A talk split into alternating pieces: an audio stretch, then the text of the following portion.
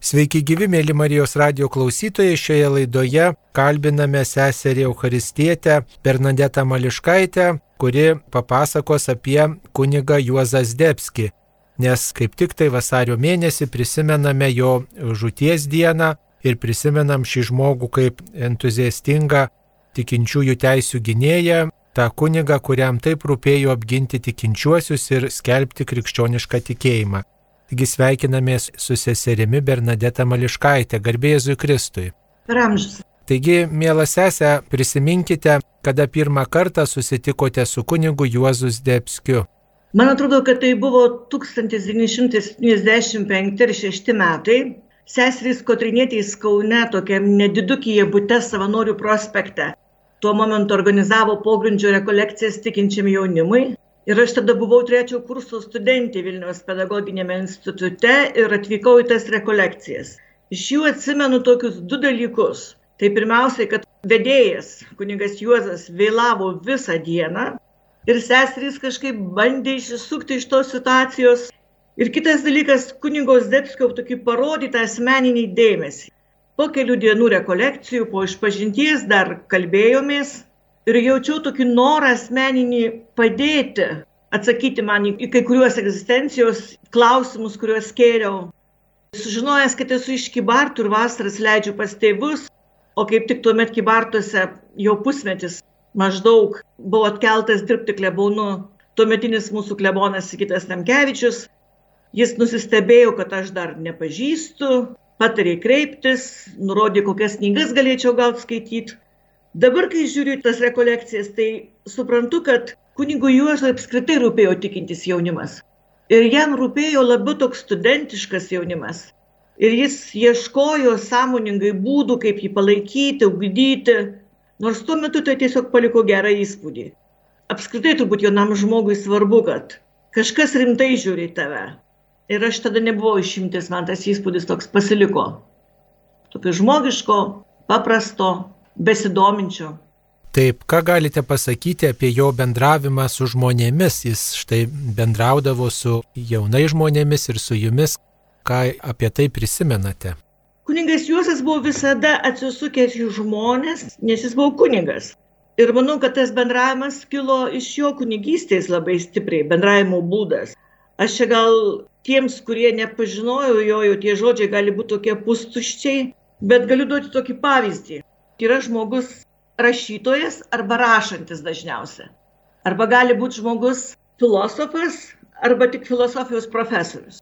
Tai turbūt jaučiam tą skirtumą, kada yra filosofijos profesorius ir kada tikrai yra filosofas. Tai kunigą Juozą aš prisimenu tik tai kaip kunigą. Ir kalbėdama su juo niekada nejausdavai, kad tu trukdai arba kad tuoj tuoj jau jisai turi kažkur bėgti. Yra nelyginamai svarbesnių reikalų. Ir maždaug netrukdyk. Jis kažkaip visada veidų į žmogų. Ir dėl to savo veidų į žmogų pats nukentėdavo dažnai. Nes, kaip minėjau, dėl tų rekolekcijų laikų net važiuodavo į startą vietą. Nes niekada nežinai, ką keli sutiksi. Gal girtą, kurį reikės kažkur pristatyti, kad nesušaltų. Gal su kažkuo reikės nesuplanuotų pasikalbėti. Dar kitas dalykas, kad, pavyzdžiui, kai jau jis kunigavo ir labiau pažinojom, Tai sakyčiau, kad jo širdies ir rūpeščio parapija buvo didesnė už tas parapijos ribas, kurioje buvo paskirtas dirbti. Ir visai nesvarbu, kur tie žmonės gyveno, kurie jam rūpėjo. Kas dėl konkrečios vietos, kur dirbo, tai tikrai nepajudinama jo tarnystė buvo pirmieji mėnesio penktadieniai, kada jis lankydavo ligonius, visom kitom dienom galėjai prie jo prieiti, su juo susitikti. Jis tiesiog pats žmonių ieškojo. Mačiau, kad nevertina susitikimus pagal tokį mūsų įprastą efektyvumą matuot, nepasiduoda pagundai. Nes, pažiūrėjau, tai jau tokia garsi frazė, dėl vieno žmogaus verta visą imperiją pervažiuoti. Jis važiavo, lankė kareivius, sovietinė armija, pažįstamus ir draugų pažįstamus, kalinius, tremtinius, nes reikėjo juos palaikyti, sustiprinti, sutuokti, išklausyti iš pažinčių, Baltarusijos kaimus ir buvo pakankamai, kas Lietuvoje norėjo susitikti. Man tai vienas toks atsitikimas jo pasakotas labai rodo, kaip jis į žmogų žiūrėjo.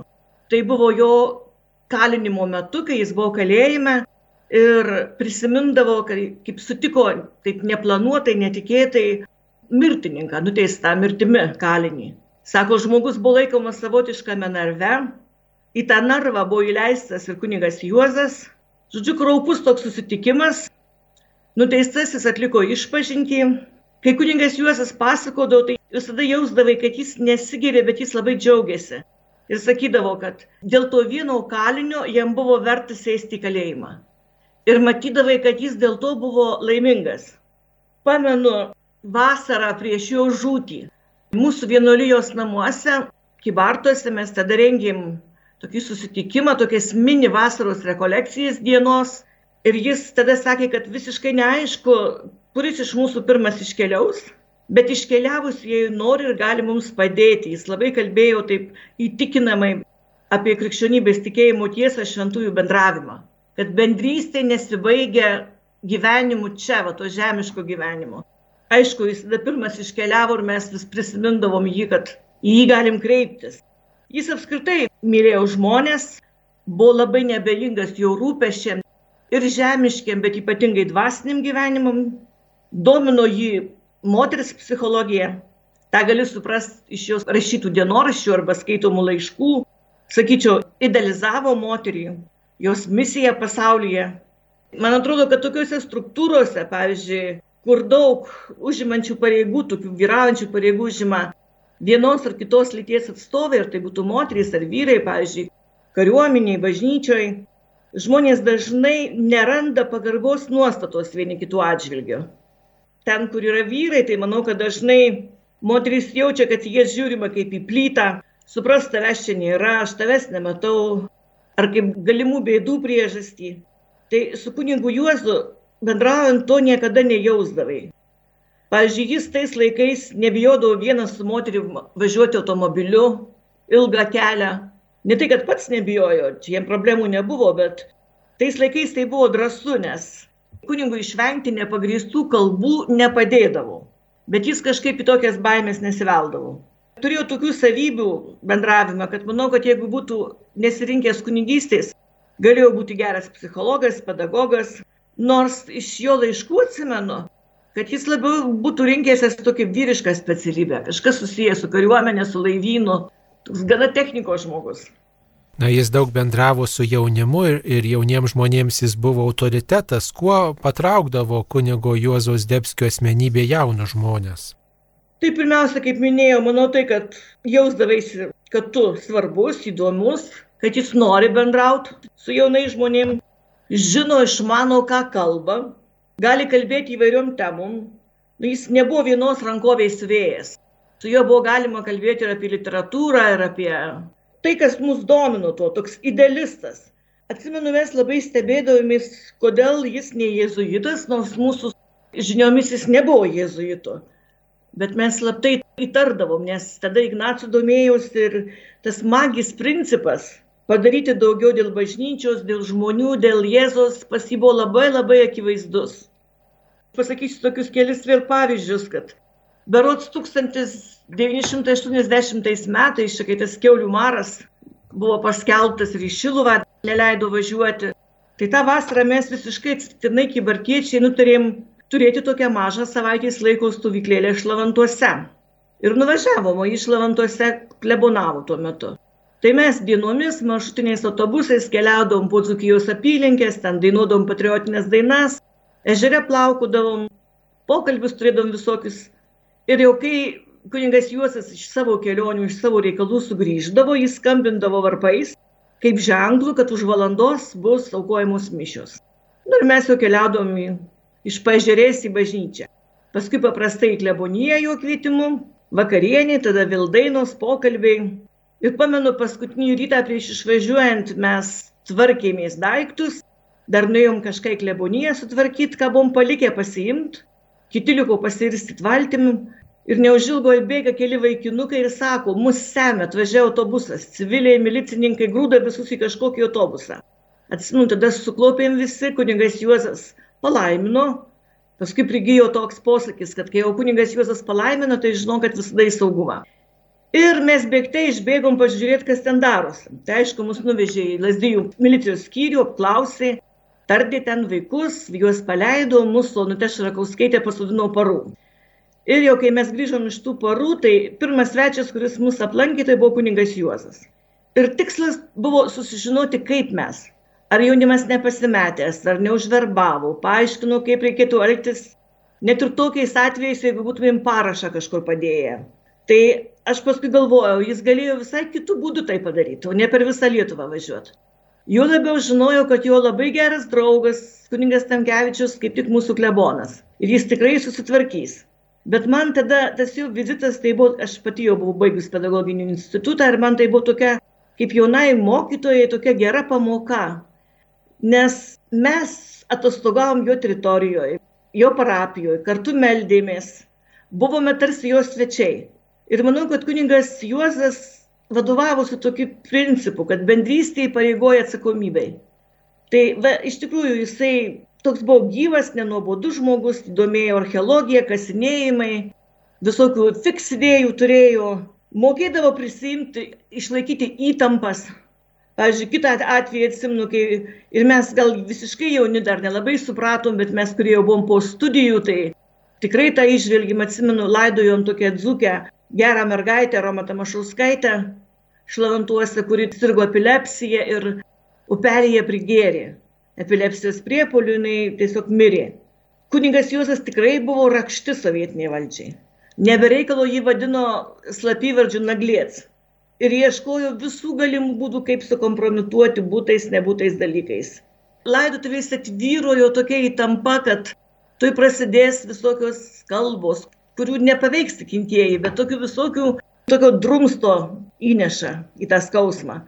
Tai mes pamenam jo laikyseną, tokių jokių aiškinimuose, jokio guodimuose, jokio traukimuose ar baimės ar kažkokiu tai įsivėlimu. Kaip vienas dabar kuningas, jau tada jaunuolis, geriau dar jį pažinojęs, sako, kuningą Jūzą prisimenu per tas laidotuvės tokiu kantriai melancholišku veidu. Jis aukojo mišę, sakė pamokslą, lydėjo į kapines. Buvo visiems skaudu, bet niekur nebuvo, kad reikalautų paguodos arba palaikymo jam pačiam iš mūsų. O čia kaip mokytas neieško pagodos pas mokinius, atsakingas žmogus nenuleidžia savo problemų tiems, kuriems vadovauja. Jautai, kad jis yra tas tulpas, į kurį tu gali remtis. Ir kad jis tai, ką kalba, tuo ir gyvena. Paprastai apie kunigą žmonės sprendžia klausydamiesi jo pamokslų. Ką prisimenate iš jo pamokslų, kaip jie jums atrodė? O, iš tikrųjų, pamokslai čia būtų atskira tema. Aš juos prisimenu tokia specifinė intonacija, ilgi, sakyčiau, pakankamai ilgi, kad galėtų būti nuobodus, bet tokiais niekada nebūdavo, nes kažkaip girdėdavai tą jo širdies rūpestį. Dažna tema tai būdavo baisi pilna šalčio žmogaus padėtis be Dievo, toks pasiklydęs, apgautas žmogus. Ir ta žmogaus būsena labai skausminga ir pačiam žmogui, ir kunigui Juozui. Nevengdavau sakyti griežtos tiesos, bet niekada negriaudėjau iš sakyklos. Nu, jau tai, kad jam skauda. Ir svarbiausia, kad jis mato išeitį, kad yra mylintis visus ir visų laukiantis tėvas, kad yra Dievo malonė. Dažnai liesdavo žmogų tokia darkančią savybę kaip puikybė. Jis sakydavo, tai velniška įda.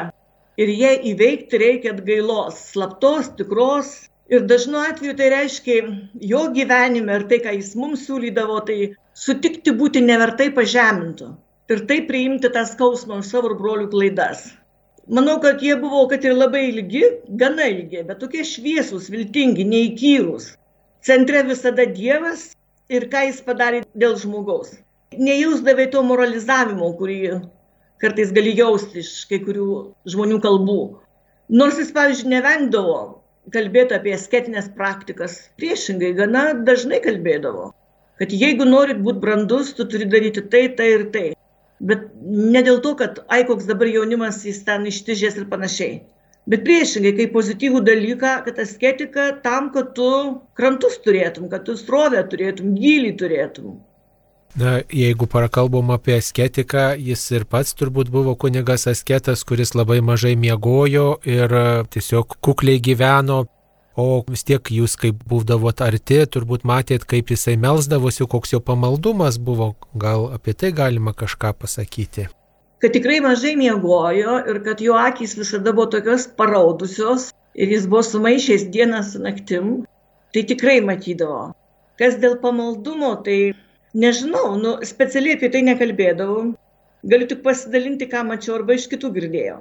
Tikrai, kas paliko labai tokį įsimintiną įspūdį iš jo, tai ką jis kalbėdavo apie mišes, kai aukodavo, arba kai rekolekcijose, arba susitikimuose. Jis visada sakydavo, ir taip, man tai turbūt visam gyvenimui taip įsėdo, kad po konsekracijos iki tėvę mūsų maldos esame po Kristaus kryžiumi. Ir kad dabar dangus atviras Dievo malonėms. Ir tada jisai ragindavo melstis visus. Viešpatie duok jėgų visą, kas sunku pakelti taip, kaip ton kryžiaus. Kaip pelnytą bausmę už savo, savo tautos ir visų žmonių nuodėmės. Už tavo begalinės meilės paniekinimą. Kadangi tai matydom, kad jis ir pats taip elgėsi. Niekada nesiteisina, nesiaiškina. Tai tokį labai jo sekimą Jėzaus iš arti tą apsisprendimą su kuo tu, kokiu gyvenimu būdu, kaip tu gyveni. Ir va ta laikysena, aš manau, kad formavo ir jo dvasingumą. Pavyzdžiui, tikrai žinau, kad jis išmokė melstis arba kitų žvilgsnių žiūrėti į priklausomybės turinčių žmonės. Jis sakydavo, du keliai tavo reikalas, kurį rinksiesi. Ne gatve, pavyzdžiui, sutinki švelniai tariant, tokį gerokai padauginusi. Arba jo griuvį gulintį tysantį be sąmonės ir jis sakydavo, gali stebėtis, keiksnoti, piktintis, bet gali melstis, nes tai kažkieno vyras, kažkieno tėvas, kaimynas, sūnus. Ir sako, šitas džiaugsmas šiandien pareis į namus kažkam. Ir ten visko gali būti. Ir jis visuomet sakydavo, laimink, matykite jame išniekintą subjauruotą viešpaties veidą. Žinau, kad tas orumas jam buvo žmogaus svarbus, nesvarbu, kokioj būsenoje tas žmogus yra šiuo metu. Paskui žinau, kad jiem labai svarbi ir brangi buvo ražančiaus malda. Tuo laiku tai turbūt dauguma katalikų keliaudami automobiliu ar ten kartu kažkur kalbėdavo ražančių. Bet kai važiuodavai su kunigu Juozu, tai sukalbėdavom tris dalis ir paskui sakydavo, vaikeliai dar reikia ketvirtą dalį, dar trūksta. Ta miego ražančiaus dalis, nes tai yra už tuos, kurie, kurie miega. Žinau, kad Marija jam buvo svarbi. Jis sakydavo, kad tai motinai, į kurios rankas reikia pavesti savo gyvenimą. Įspūdingas buvo žinojimas tokio pasakojimo iš kitų apie jo meilę Euharistijai, nors šita Euharistijos tema rekolekcijose seserims būdavo irgi labai tokia giliai plėčiama. Tai tuo metu, tai vienur Lietuvoje, tai kitur girdėdavom išplėšiamas bažnyčias, išniekinama švenčiausiai sakramentą ir tėvas Jūsas dažnai išvažiuodamas arba vakarais, nakčiai išneždavo švenčiausią sakramentą į zakristiją, ten turėjau tokį įspūdingą seifą pusantro metro ir ten padėdavo, kad neišniekintų. Tai bičiuliai liudyja, kad kai tėvas grįždavo iš kelionių, jis visada aplankydavo bažnyčią. Trumpai eidavo kryžiaus kelius, tokius sutrumpintų variantų ir, sako, teko jį matyti, besimeldžiantį apkabinus seifą arba padėjus ten jo galvą. O kelias, kuriam jie buvo labai brangus, arba šventoji, kurį jis labai vertino, tai jis dažnai minėdavo šventą Teresėlę iš Lizie. Kažkokiu būdu ten buvo išskirtinai artima jam. Toks buvo mistinis atsitikimas su skambučiais, su perspėjimais, bet čia jau buvo jo mistika. Ir jam Teresėliai daug brangiai jis dažnai ją minėdavo. Kunigas Juozas Debskis nėra atskiriamas nuo pogrindžio reikalų. Kaip prisimenate, kad jis štai buvo aktyvus pogrindžio reikalų dalyvis? Tai pirmiausia, jis buvo tikinčių teisėms ginti katalikų komiteto narys. Jam rūpėjo spauda, katekizmai, literatūra. Mes matėm, su kuo jis bendrauja. Jie vis tiek buvo tas penketukas. Bet tas tikinčių teisėms ginti katalikų komitetas buvo vadinamas penketuku. Buvo jame aktyvus. Jo visur būdavo rekolekcijose. Nu, kur tik tai, kaip sakiau, ne savo parapijoje, bet visoje Lietuvoje. Ir ne tik. Dabar, kad mes visi vat, kažką kartu darytumėm, Aš per daug neatsimenu, bet jis buvo tokia papildoma ranka, palaikanti ranka, nekviestas, neprašytas, pats savo rūpė šitokios iniciatyvos. Nes mes gyvenom su Valkijo, jisai buvo Gidzukų žemės kunigas tam krašte. Bet aš irgi papasakosiu tokius kelius atsitikimus. Tai po kunigos kito Tamkevičiaus suėmimo, kunigo Juozo kvietimu, mūsų seseris Kibartėtis, jis pasikvietė į Vilkaviškį, į tokį bendraminčių kelmelių būtą. Ir tą kartą jis labai daug ir primiktinai mūsų klausinėjo, ką mes seserys ketiname po arešto daryti. Piešiai mums ant pamenų įvairius scenarius, mes tada ne viską supratom, aš kažkiek susierzinau, kam čia iš viso tos kalbos, kad čia planuot, čiagi viskas aišku, mes liekam kibartuose, su žmonėmis dirbam toliau, negalim pasitraukti, net tų klausimų nesvarstom, nes krato žmonių tardymai, negi mes dabar bėgsim kaip žiūrkės išskestinčio laivo. O ką paskui daryti? Savęs negerbsim. Pabėgsim ir o kur grįžti. Ir aš atsimenu, kad jis mus rado būdą, kaip prisaigdinti. Kažkaip, kad mes tikrai liekam čia. Atsimenu, pasimeldė, palaimino. Dabar suprantu, kad jam labai rūpėjo, kad mes suvoktume ir pasiruoštume priimti tokio apsisprendimo pasiekmes. Ir paskui ateitis tai labai gerai parodė. Nes iš tikrųjų po kurio laiko pradėjo daryti skibartuose dalykai, kurių mes nebuvom praplanavę. Suėmė tuometinį parapijos vikarą, pogrindėje išventintą kunigą Joną Kastytį Matulionį, patarnautoją Romą Žemaitį, kuriem nebuvo nei 20. Po kokių pusantrų metų Matulionį paleido ir vėl iš naujo suėmė po savaitės, tai praktiškai keturi areštai parapijoje. Tada daugybiniai tardymai ir kratos. Saugumas jau žmonių nekviečia į Vilnių, jis pas atvažiuoja į Bartus, apsigyvena virš policijos ir kviečia nuolatiniai tardymai ypatingai po Romo Žemaičio suėmimo buvo žmonėms labai jautru, kadangi vaikus įmai kalėjimą, ar ne, tokius jaunuolius, kurie visi žinom, kad tikrai jie nieko nepadarė. Žmonių nuomonės pradeda įsiskirti, prasideda tokia trintis skaldymaisi. Ir va tada jau mes pradėjom turėti tokių svarstymų, o gal mums pastraukti. O gal tada parapija neskiltų. Jo labiau, kad spaudė ne tik saugumas, spaudė ir aukšti vienuolijų vyresnėji. Savotiškai spaudė vyskupas tuometinis. Pavyzdžiui, iš vyskupo sulaukim žinios, kad jie kybartuose suims dar vieną kunigą, daugiau kunigų negausim. Iš vienuolijų vyresniojo gavom žinę, kad kiekvieno mėnesio šeštą dieną, vat, arešto dieną mes turim dvi seserys dingti iš kybartų, išvažiuoti ir nebūti. Nes tada žmonės būna aktyvūs, bažnyčia meldžiasi, eina keliais aplink bažnyčią. Žodžiu, atvažiuoja svečių, o jeigu mes liksim, tai būsim ekskomunikuotos. Aš atsimenu tada, mums tai nederėjo su sąžinė, mes supratom tų žmonių bejėgystę, tokioj sunkioj situacijoje, ką daryti. Bet vis tiek tokia kilo mintis, nu negi mes vienos teisius.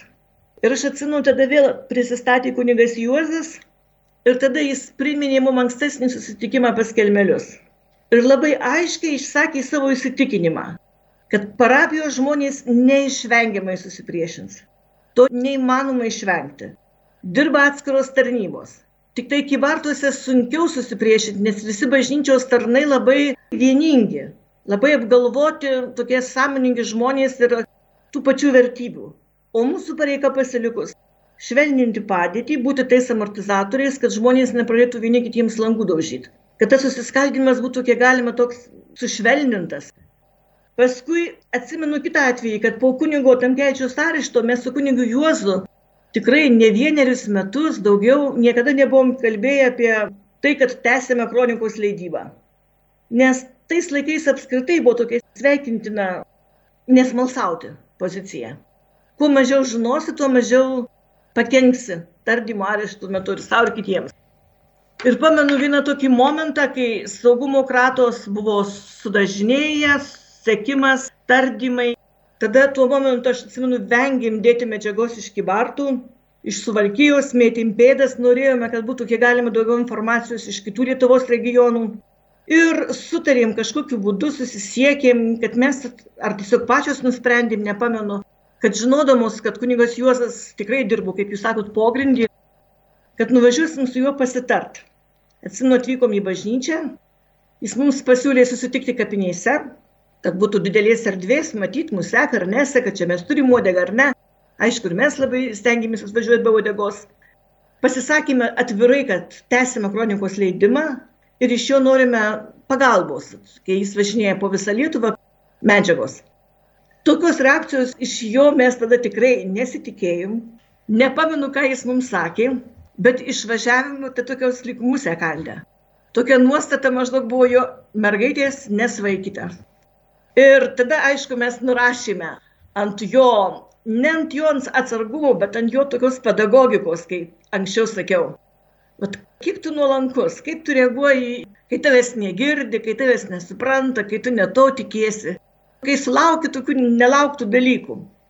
Aišku, iš kitos pusės buvo pikta, nes vėl kitą kartą reikės kalbėtis, važiuoti, vėl reikės be odegos atvažiuoti. Gal tuo metu jis iš tikrųjų nežinojo ir nenujautė. Ir iš kitos pusės turėjo pakankamai priežasčių būti atsargiu. Pavyzdžiui, nepriklausomybės laikais man teko vartyti jo operatyvinę sekimo bylą. Aštuoni tomai. Kokiais tik būdais kunigo Juozo nesekė ir neverbavo aplink jį esančių žmonių.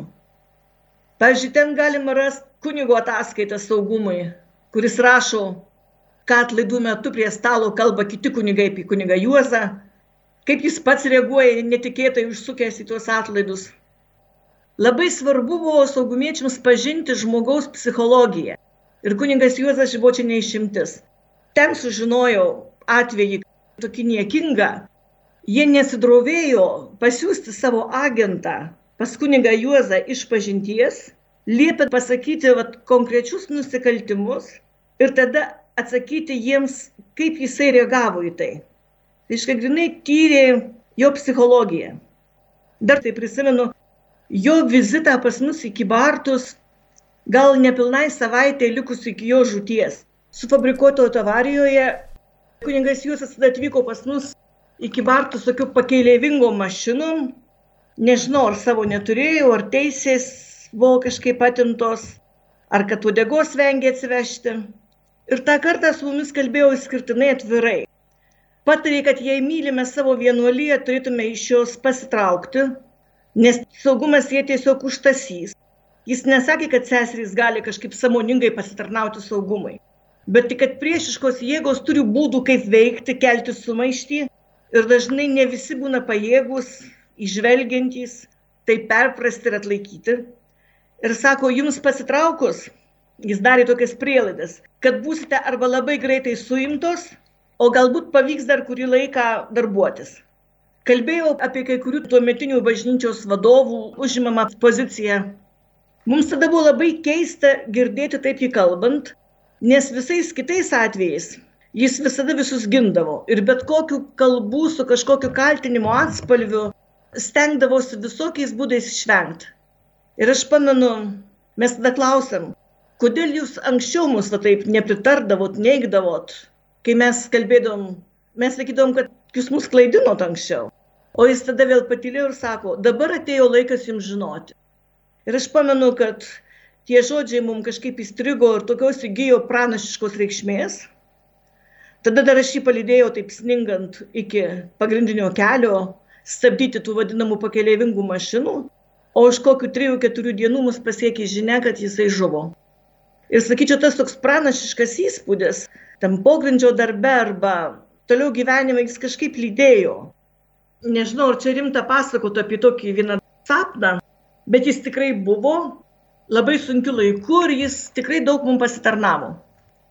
Ieškojame būdų vienu momentu, kaip laiku išleisti kronikos numerį, nes saugumiečiai tiesiog lipo ant kulnų, nes prieš tai per vieną buvusią kratą buvo radę voką su radugotais rankraščiais. Ir tada atsimenu, mes nutarėm, kad kroniką rašysim rankas, spausintom raidėm Aš atsimenu, parašiau keletą A4 lapų, paskaudau riešą, pradėjau galvoti, kaip tokį neįprastą leidinį priims užsienyje, ar neklaidinsime žmonių, bus bereikalingų spėliojimų, ar čia tikrai viskas ta pati kronika. Paprastai tokiais sunkiais atvejais tai patardavau visada, kad peržengnot viską ir daryti tai, ką reikia daryti. Tada mes taip nusprendėm. Ir tuo momentu ar panašiu momentu, neatsimenu tiksliai, negaliu pasakyti, bet buvo toks vienas mano labai reikšmingas sapnas sapnuoju kunigą Juozą, kuris sapno metu susako dešimt dalykų, kas laukia Lietuvos ir bažnyčios. Atsimenu, kad man tos žinios buvo labai netikėtos, labai konkrečios, labai papunkčiui išsakytos. Aš antrą valandą nakties pabundu, tokia nustebusi, džiugi, dar kartą pergalvoju viską mintyse ir sakau savo, nu, būtų gerai užsirašyti, kad ryte galėčiau pasakyti seserims, nu, kad ką nors neperdėčiau, neiškraipyčiau, Atsimenu, užsižiebiu virš galvos lempą, pasiimu tušinuką ir mano nuostabai mane visas mano žinojimas apleidžia. Aš niekaip negalėjau suprasti ir suvokti, kad susitaikinti su tuo, kad čia pat žinojau ir čia pat nieko nežinau. Pasiliko tik tokia šviesi ramybė, viskas bus gerai, nebijok, pirmin, Ir tokia viena smulkmena, kad man tikrai ne amnezija iš to pasakojimo, kad viena mūsų sesuo, kuri tuo metu sirgo, jos atžvilgiais pasakė taip, jinai nepasveiks, bet turės jėgų kentėti. Tai va toks asmeniškai man buvo didelis sustiprinimas ir mūsų kibartiečiai ne aš viena, ar kiti va tą tokį ryšį su juo yra patyrę. Kuniga Juozas Debski matėte įvairiose situacijose, girdėjote įvairias jo įžvalgas ir štai pažinojot kaip tokį išskirtinį žmogų. Kuo žavi jūs šis kunigas, kokią žinę neša jums ir kuo gali patraukti kitus žmonės ir šiais laikais? Kas mane labiausiai žavi šių kunigų gyvenimą, tai turbūt aš tik du žmonės pažinojau, kitų neapkalbančius. Ir vieną žmogų iš jaunimo, o kitą jį. Tai man čia labai tokia reta ir labai brangis tokia išskirtiniai savybė. Turėjau darybę neapkalbėti žmonių. Ir tai buvo tokia stebėtinai graži ir paveiki. Aš atsimenu tą atvejį, kai jis buvo atleistas ir pašalintas iš penketuko, iš tikinčių teisėms ginti katalikų komiteto. Tai tikrai yra paini istorija, be abejo, tai labai daug tokių abejonių, susipinė daug dalykų, daug ten saugumo visokių intrigų, nesupratimo, žmogiškų klaidų, nu, visko, situacijos pačios sunkumas. Tada sutapo su jo apdeginimu. Viena aišku, kad tai tėvai Juozai buvo be galo skausminga ir labai asmeniškai jis tai išgyveno. Ir kadangi jis supo nemažai jaunimo, tarp kurio buvau ir aš, mes visi labai norėjom žinoti tiesą, suprasti, kas atsitiko, kodėl taip įvyko. Nes penketuką visi mylėjo. Ir iš tėvo Juozo nesužinojom nei vieno smerkiančio žodžio apie kitus, ir nei vieno pasiteisinančio žodžio. Elgėsi taip, kaip mokė, kad skausmą priimti, kaip sąmoningą atgailą už savo ir kitų klaidas. Kitas panašus atvejis, kaip sakiau, kad jis kiekvieno mėnesio šeštą dieną, kurį laiką, ne visus tuos metus, bet kurį laiką gana dažnai, pasimdamas kokį nors kitą kunigą atsiveždamas svečią, atvykdavo iki bartų, saukodavo mišes ir melsdavosi už kalinius ir kartu buvo turbūt jo tokia intencija pastiprinti parapijos bendruomenę. Po mišių mūsų aktyviausi parapiečiai, jų būdavo kelios dešimtys, dar dalis jaunimo, rinkdavomės pas mus į vienuolyje, vienuolyje priklausančius namus, ten buvo karva arba ta dainos. Ir mes kaip Bartos išgyvenom tokią gana keblę situaciją. Neaišku, kaip elgtis. Norėjusi pasiguosti, išsakyti patirimą neteisybę. Ir ta neteisybė kažkaip dažnai ateidavo iš tų, iš kurių palaikymo norėdavai. Bet tėvas Juozas niekada neįsiprovokavo. Dažniausiai tokius klausimus jis reaguodavo taip. Nu tai padainuojam. Ir kadangi jis labai mylėjo dainą, ir tada eidavo kokios trys, keturios patriotinės dainos, kibartiečiai dainuoti irgi labai mylėjo. Paskui ilgai jums pradėjau suprasti, va, tai jo meilės tyla. Nes kuningas Jūsas turbūt tikėjo, kad giliai širdyje žmonės žino, ką reikia daryti, supranta, kaip reikia elgtis. Belieka melsis kartu ir pasisemti tos stiprybės maldoj, dainoj, ir Dievas ves. O šiaip daug ką žavi. Gyvas tikėjimas, nemoralizuotojas, turėjau gerą humoro jausmą, mokėjau daugybę dainų, o dar jeigu kur nors būdavo šalia kardinolas Latkevičius, tai jeigu mes baigdavom dainą, tuo metu rinkom dainas, tai domėjomės, užrašinėjom iš žmonių senų pagyvenusių tos dainas, tai, tai dar jis būtinai užbaigdavo kokiam trim posmais, ko dar mes nežinodom. Įsiskyrė drąsa, Bet tas laikmetis apskritai reikalavo daug drąsos, daug ištvermės, tokio pasiaukojimo. Ir man atrodo, kad ne tas pats, kaip pavyzdžiui, taip atsitiktinai pakliūti į kalėjimą ir kaip dirbti, žinant, kad tu neišvengiamai tikrai tave pasodins. Ir pasodino. Ir aš pamenu, atgavus nepriklausomybę, nekartą su tuo metu jaunimu taip sėdėdom ir kalbėdom spėliodami, koks laisvės laikais dabar būtų kuningas Juozas ar būtų jam sunku, pavyzdžiui, persiorientuoti. Nes matėm, kad ne visiems lengva persiorientuoti. Ir tada nuspręsdavom, kad ne, jis tikrai šalia savo drąsos turėjo dar labai daug gerų savybių, tokio išminties, jautrumo, gyvenimiško supratimo, užuojotos, dėmesio žmogui. Ir tikrai tuo jis gali būti aktualus, įdomus šiems laikams. Nes kartais, kai sako, ar tiktų šiems laikams, tai man toks tas klausimas net tokį pasipriešinimą sukelia. Tai supras, ką jis jau atgyvenęs tuo, ko jis gyveno. Tai tikrai aš galiu drąsiai pasakyti, tokie žmonės yra palaima visiems laikams ir ypatingai kaip kunigo, nes kaip bendruomenė turėtų tokį dvasios tėvą. Nes jo toks širdies centras tai buvo Dievas, o praktinis rūpestis žmogus toj šaltoj, tokioj sunkioj situacijoje. Jiem buvo svarbu visada padėti jaunam žmogui atpažinti, apsispręsti už tiesą ar gėrį. Jiem rūpėjo, kaip pakelti gulinti alkoholio liūnę, Aš nepažįstu nei vieno kito tokio kunigo, kuris būtų garsėjęs kaip tas, kuris rudens vakarais pažligusiais nuo lietaus arba žiemos vakarais tasytųsi su girtu, važiuotų į pažįstamų namus, į tų pačių girtuoklių namus, palikdavo pas savo draugus kunigus. Nežinau, kiek čia tiesos, bet tuo momentu visi juokdavomės, kai jis vieną nuvežė girtą į viduklės bažnyčią pas tėvą Svarinską ir paliko verandoje, kad nesušaltų. O tas prabudėjęs ryte pamatęs, kad kryžiai atplėšė langus ir pabėgo. Ir tai tėvui Juozui tikrai nebūdavo lengva, nes atsimenu vieną kartą, kai važiavom į Kauną iš Kibartų, aš galvojau, kad greičiau nuvažiuosiu. Tada tėvas Gitas juokėsi, kad, nu jo, jeigu nori greit nuvažiuoti, tai tikrai važiuok su tėvu Juozu. Tai nieko panašaus, mes nuvažiavom giliai naktį, nes kažką vėl reikėjo aplankyti. Bet jis tada sakydavo, kad jiem nėra lengva, kad tai reikalauja pastangų. Kažkaip jis patviravo, kad sako, aš turiu daug puikybės. Puikybė kenčia, kai draugai pasišaipo, kad aš esu girtuokliais vozojuose.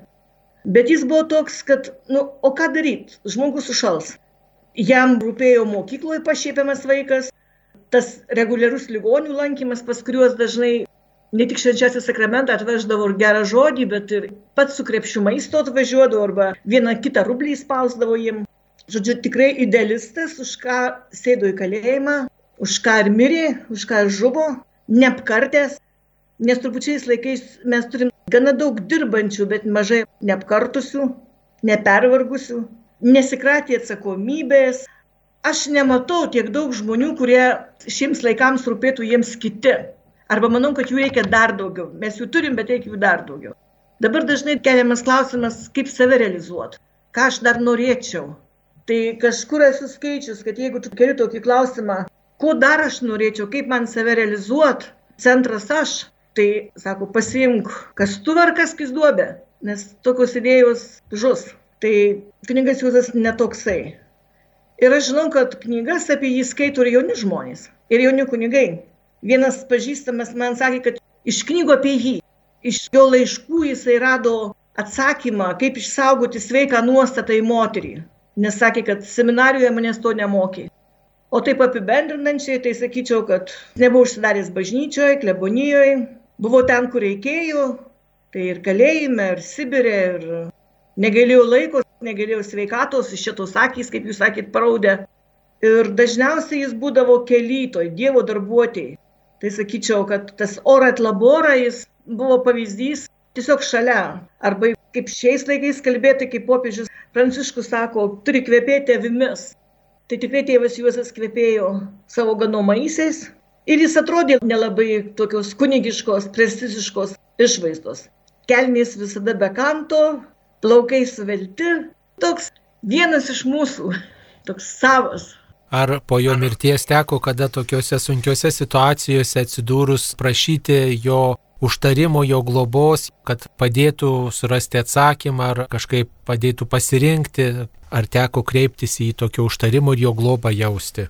Jo globą tai tikrai ir nesikreipiant, jauti teko kreiptis tokiais momentais tik tai. Ir kai kur jaučiuosi, kad esu praleidus, kad galėjau labiau pasinaudoti ir galiu labiau pasinaudoti dabar prisiminus kuniga Juozą. Ir mes manom, va, to laikmečio žmonės, kurį jį pažinojo iš to laikmečio, nu jis toks gyvas, tikras, mum jisai šventas. Man tai čia labai dėlis pavyzdys, kad dėl vieno žmogaus galima pervažiuoti imperiją ir kad jis nematavo, ar bus daugiau čia naudos, ar daugiau ten. Dėkojam seseriai Bernadetai Mališkaitė, Eucharistinio Jėzaus seserų kongregacijos vienuolė ir dalyjosi prisiminimais apie kunigą Juozą Zdebskį, kurį prisimename kaip tą, kuriam rūpėjo ypatingai kiekvienas žmogus ir kuris troško Lietuvos atgimimo ir jis žuvo prieš pat Lietuvos atgimimą. Ir tokiu būdu visus tarsi pakvietė ginti mūsų tikėjimą, ginti laisvę ir branginti šitą dovaną. Daugelis kunigo Juozdo Zdebskio turėtų savybių svarbios ir šiais laikais. jos primena Evangeliją, todėl visi esam kviečiami pamilti Eucharistinį Jėzų, Jėzų pasilikusi Eucharistijoje, būti drąsiais ir ištikimais Jėzaus kelbėjais. Seserį Bernadetą kalbino aš kunigas Saulis Božauskas, būkite palaiminti. Ačiū sudie.